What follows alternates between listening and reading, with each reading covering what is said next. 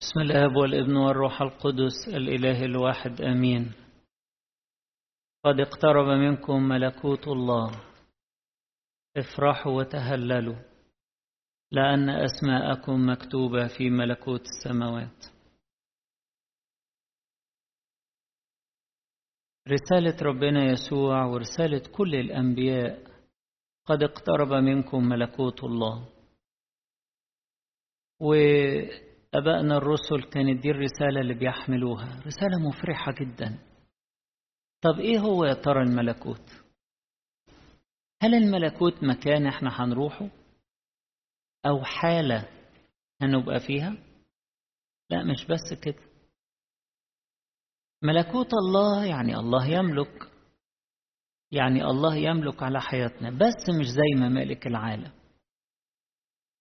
ساعات ناس تكون في بلاد كويسة يفتخروا إن هم حاملين للجنسية بتاعة البلد دي وإن البلد دي بتحترم الإنسان وفيها مزايا وفيها ثراء في المعيشة و... وفي ناس تانية بتعاني من الحكام المستبدين ومن الدكتاتوريين. وتعبانين ويمكن مش عارفين يخرجوا من بلدهم ويمكن نفسهم يخرجوا مش عارفين. ادي ممالك العالم شوية فوق وشوية تحت. أما مملكة ربنا في حاجة تانية مستوى تاني. رقى فيه الإنسان ملكوت حرية. حرية لأنه حول الإنسان من مستوى العبد إلى مستوى الإبن. قد اقترب منكم ملكوت الله يعني أنتوا بقيتوا أحرار. واحد كان عبد ذليل بيتباع ويتشرى وبعد كده بقى ابن. ابن. وما دام ابن يبقى له إيه؟ ميراث. النهارده القديس بطرس بيفتتح الرسالة بتاعته. القديس بطرس كاتب رسالتين. واحدة خمس إصحاحات واحدة ثلاث إصحاحات. من أعظم ومن أجمل ومن أعمق ما يمكن. يفتتح الرسالة بتاعته يقول إيه؟ يقول مبارك الله الآب. الذي ولدنا ثانية لميراث. ولدنا بين أبناء. نورث. لميراث. لا يفنى ولا يتدنس ولا يضمحل. محفوظ لينا في السماوات. ميراث بقينا أبناء وورثة. ملكوت الله خدنا فيه نعمة البنوة لله والحرية. أيضا ملكوت الله مجد وكرامة. مش من هذا العالم. مجد إحنا مدعوين ليه. قديس بولس الرسول بيقول عنه في تسالونيكي الثانية الإصحاح الثاني إن إحنا دعينا لاقتناء مجد ربنا يسوع المسيح. مش حاجة يعني تترملنا كده صغيرة.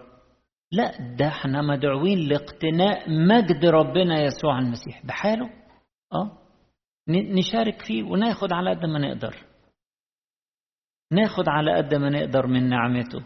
مدعوين نقتني مجد ربنا يسوع المسيح. أيضا ملكوت الله هو بر وسلام وفرح في الروح القدس. ملكوت الله ليس اكلا وشربا زي ما بيقول قديس بولس الرسول في رومية 14 على الناس اللي عمالة تقول الأكل ده نجس والأكل ده مش نجس وده ناكله وده ما ناكلوش. مفيش أكل نجس ومش نجس. ملكوت الله ليس أكلا وشربا ولكنه بر وسلام وفرح في الروح القدس. بر لأن الله يبرر أولاده. المؤمنين باسمه اللي ماتوا وقاموا معاه في المعمودية. وسلام لأنه هو ملك السلام وينبوع السلام فبيحيي أولاده بالسلام. وفرح في الروح القدس. فرح فرح فرح. افرحوا لأن أسماءكم مكتوبة في السماوات. فرح بينبع من جوه من عمل الروح القدس في داخل القلب. أيضا ملكوت الله حرية أنا قلت ومجد وكرامة وبر وسلام وفرح في الروح القدس. أيضا ملكوت الله حب حب بيتمتع به الإنسان بيملى القلب لأن محبة الله قد انسكبت في قلوبنا بالروح القدس. حب إلهي بيغمرنا وبيحتضننا. هم الرسل رايحين يبشروا بإيه؟ يبشروا بحب الله اللي وصل إليهم. ملكوت الله قد اقترب. في الإنجليزي جاية at hand. يعني في متناول الإيد. حب الله جه لحد عندنا علشان يغمرنا. يغمرنا ويخلينا نعيش في فرح إن إحنا بقينا محبوبين محبوبين. ولما نحب ربنا قوي قوي كده بنحب الآخرين وبنفيض على الآخرين أيضا. أيضا ملكوت الله قداسة قداسة. تقول طب بس أنا ضعيف وفي حاجات بتلوث أفكاري أو حواسي أو قلبي. المسيح بيقدسنا بيقدسنا. بنقدم توبة بيغسلنا بيقدسنا بدمه يعطى لمغفرة الخطايا. لأنه مش هينفع ندخل في شركة الملكوت. وإحنا مش قديسين. هو ملك القديسين زي ما قيل عنه في سفر الرؤيا هو ملك القديسين. فالقداسة بدونها لن يرى أحد الرب. بدونها نخرج بره شركة الملكوت. فملكوت ملكوت قداسة لأنه اتحاد بالقدوس ملك القديسين. ملكوت الله هو حياة أبدية. هو الحياة الأبدية. لو تاخدوا بالكم في إنجيل متى ومرقس ولوقا كل الحديث عن ملكوت الله أو ملكوت السماوات. ما تروح لإنجيل يوحنا ولا مرة. بدل ما يقول الملكوت يقول الإيه؟ الحياة الأبدية. بيستبدل كلمة الملكوت بمعناها بالحياة الأبدية. كتير بقى إنجيل يوحنا يتكلم عن الحياة الحياة الحياة الحياة الأبدية. الحياة الأبدية هي في ابنه في المسيح.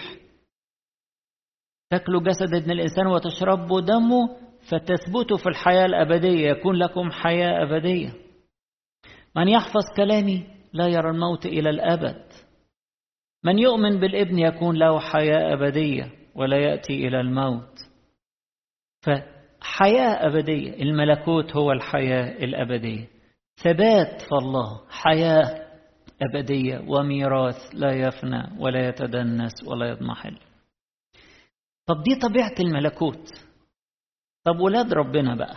أعضاء الملكوت دول شغلتهم إيه؟ يعملوا إيه؟ وهم لسه متغربين في هذا العالم. إحنا أعضاء في الملكوت. معانا الجنسية السماوية. الملكوت الحرية ملكوت الفرح ملكوت المجد ملكوت القداسة ملكوت المحبة. إحنا أعضاء في الملكوت بس إحنا لسه في أرض غريبة لسه في أرض غربة. نعمل إيه؟ أول حاجة وأهم حاجة إن إحنا نعيش بالروح ولا نكمل شهوة الجسد. إن الجسد بيشدنا لتحت والروح مرتبطة بالله. بتفرح وتشبع بالله. عشان كده أولاد ربنا بيحيوا حسب الروح وليس حسب الجسد. إن كنتم تعيشون بالروح هتاخدوا حياة أبدية. إن كنتم تعيشون حسب الجسد فستموتون. وإن كنتم بالروح تميتون أعمال الجسد ويقصد شهوات الجسد فستحيون. عشان كده النهارده في البولس القديس بولس الرسول بيقول أقمع جسدي وأستعبده. لألا بعد ما كرست للآخرين أصير أنا نفسي مرفوضا لحسن الجسد يشدني يخرجني بره الملكوت. فلازم أضبطه. وده الحكمة من إن الكنيسة بتدينا فترات للأصوام عشان نضبط الجسد. مش كل طلباته نلبيها له. فأول حاجة أولاد ربنا بيعيشوا حسب الروح. وبينمو في المعرفة الإلهية وفي الحب الإلهي وفي الإثمار على قد ما يقدروا بيجاهدوا. طبيعة ولاد الملكوت مش مترخين مش زي ابن الملك اللي هيقعد في القصر ويحط رجل على رجل يقعد على كرسي ويحط رجل على رجل لا. ده طبيعة الملكوت نمو في كل شيء نمو في الحب نمو في الثمر نمو. قديس بولس الرسول كان بيحب يستعمل التشبيه بتاع السباق. كتير قوي يستخدم الأولمبياد. طبعا ثقافته يونانية فالأولمبياد والرياضة تلاقيها موجودة في الرسائل بتاعته. يقول أنا بجري في السباق. شوفوا الناس اللي بتجري بتموت نفسها إزاي عشان تاخد الجايزة؟ أنا بعمل كده. اركضوا لكي تنالوا. اجروا لكي تنالوا عشان تاخدوا نصيبكم في الحياة الأبدية. فاكرين في العهد القديم لما ربنا عطى لشعب إسرائيل أرض الموعد؟ ما قال لهمش أنتوا تغمضوا عينيكم وتفتحوا عينيكم تلاقوا نفسكم قاعدين مستريحين. والشجر بينزل لكم ثمر وخلاص لا ما حصلش كده. قال لهم الأرض دي بتاعتكم بس جهدوا عشان تاخدوها. أنا معاكم. بتاعتكم. كل حتة هتحطوا رجليكم عليها بقت بتاعتكم. طب واحد مش عايز يمشي. مش عايز يتحرك. مش هياخد. على فكرة ده اللي حصل. شعب إسرائيل بعد ما دخل أرض الموعد أرض واسعة وهم ما كانش عددهم ضخم قوي يعني فيشوع ابن نون القائد بتاعتهم بتاعهم في ذلك الوقت عمل لهم زي خريطة وقسم لهم الأرض. سبت يهوذا هنا سبت نفتالي هنا سبت دان هنا سبت منسى هنا وقعد يقسم لهم الأرض. وقال لهم يلا ابتدوا. روحوا خدوا الأرض بتاعتكم وخلوا بالكم. ما تسيبوش فيها أي شكل من أشكال عبادة الأوثان. تخلصوا تنظفوا الأرض بالكامل من كل ما فيها سواء ناس أو أو حاجات وثنية. وإلا وإلا هيبقى الناس دول أشواك في عيونكم. وأصوات كرباج على جوانبكم. هيعلموكم النجاسات بتاعتهم. وهترجعوا تاني تعيشوا في الخطية وفي الآخر ربنا هيسيبكم. وإيده الحلوة اللي بتحميكوا وبتقويكوا هتفتقدوها وهتتبهدلوا. من فضلكم خدوا الأرض بكاملها. ولا صبت تقريبا. سمع الكلام. كل شوية راحوا في حتة وخدوا حتة أرض قالوا ده ما دي كويسة خلينا فيها وخلاص. طب خد بقية الأرض. جارك اللي جنبك ده وثني. بنتك هتطلع وابنه هيشوفها. وهتتسهروا مع بعض. والعبادات الوثنية هتدخل. عيشوا في مكان نظيف نظفوا كل المنطقة تبقى كلها لربنا وكلها تستمتعوا بيها. خدوا نصيبكم. ما خدوش. وهنشوف بعد كده بعد ما يشوع مات قال لهم أنا مش هلحق يعني أتابع معاكم. أنا خلصت خلصت أيامي. أنتوا خدوا الأراضي بتاعتكم. اجتهدوا اجتهدوا. عشان تاخدوا نصيبكم. ما اجتهدوش. وفي الآخر مفيش كم سنة؟ وعبدوا الأوثان واتبهدلوا. ونشوف عصر القضاء قرب 400 سنة. يعني أوجاع أوجاع أوجاع. هجوم بقى من كل ناحية عليهم. لأن هم بقوا عاملين زي الإيه البقع كده في الأرض. ما خدوش الأرض كلها. عشان كده أولاد ربنا أعضاء الملكوت ما بيسيبوش لعدو الخير مكان. ما بيسيبوش في قلبهم ولا بقعة صغيرة. ما بيسيبوش لعدو الخير مكان لا في حواسهم ولا في فكرهم ولا في مشاعرهم. خايفين. على على الغنى اللي هم فيه يتسرق. على النعمة العظيمة اللي إحنا كنا بنتكلم فيها. ملكوت حرية وفرح وسلام وبر وقداسة وميراث أبدي. كل ده ممكن يتسرق. عدو الخير يدخل يسرق. ما يهوذا كان عايش في الملكوت واتسرق. راح راح منه كل حاجة. فولاد ربنا حريصين اركضوا لكي تنالوا. ولاد ربنا من علاماتهم إنهم هم ناس مجاهدين مجاهدين في المحبة في النسك في الصلاة في المثابرة في طول الأناة في الخدمة. مجاهدين ناس مجاهدين. طبعا أنتوا عارفين طبعا كلمة الجهاد راحت مع العرب في اتجاه آخر خالص. لكن ولاد ربنا كلهم كل القديسين دول مجاهدين.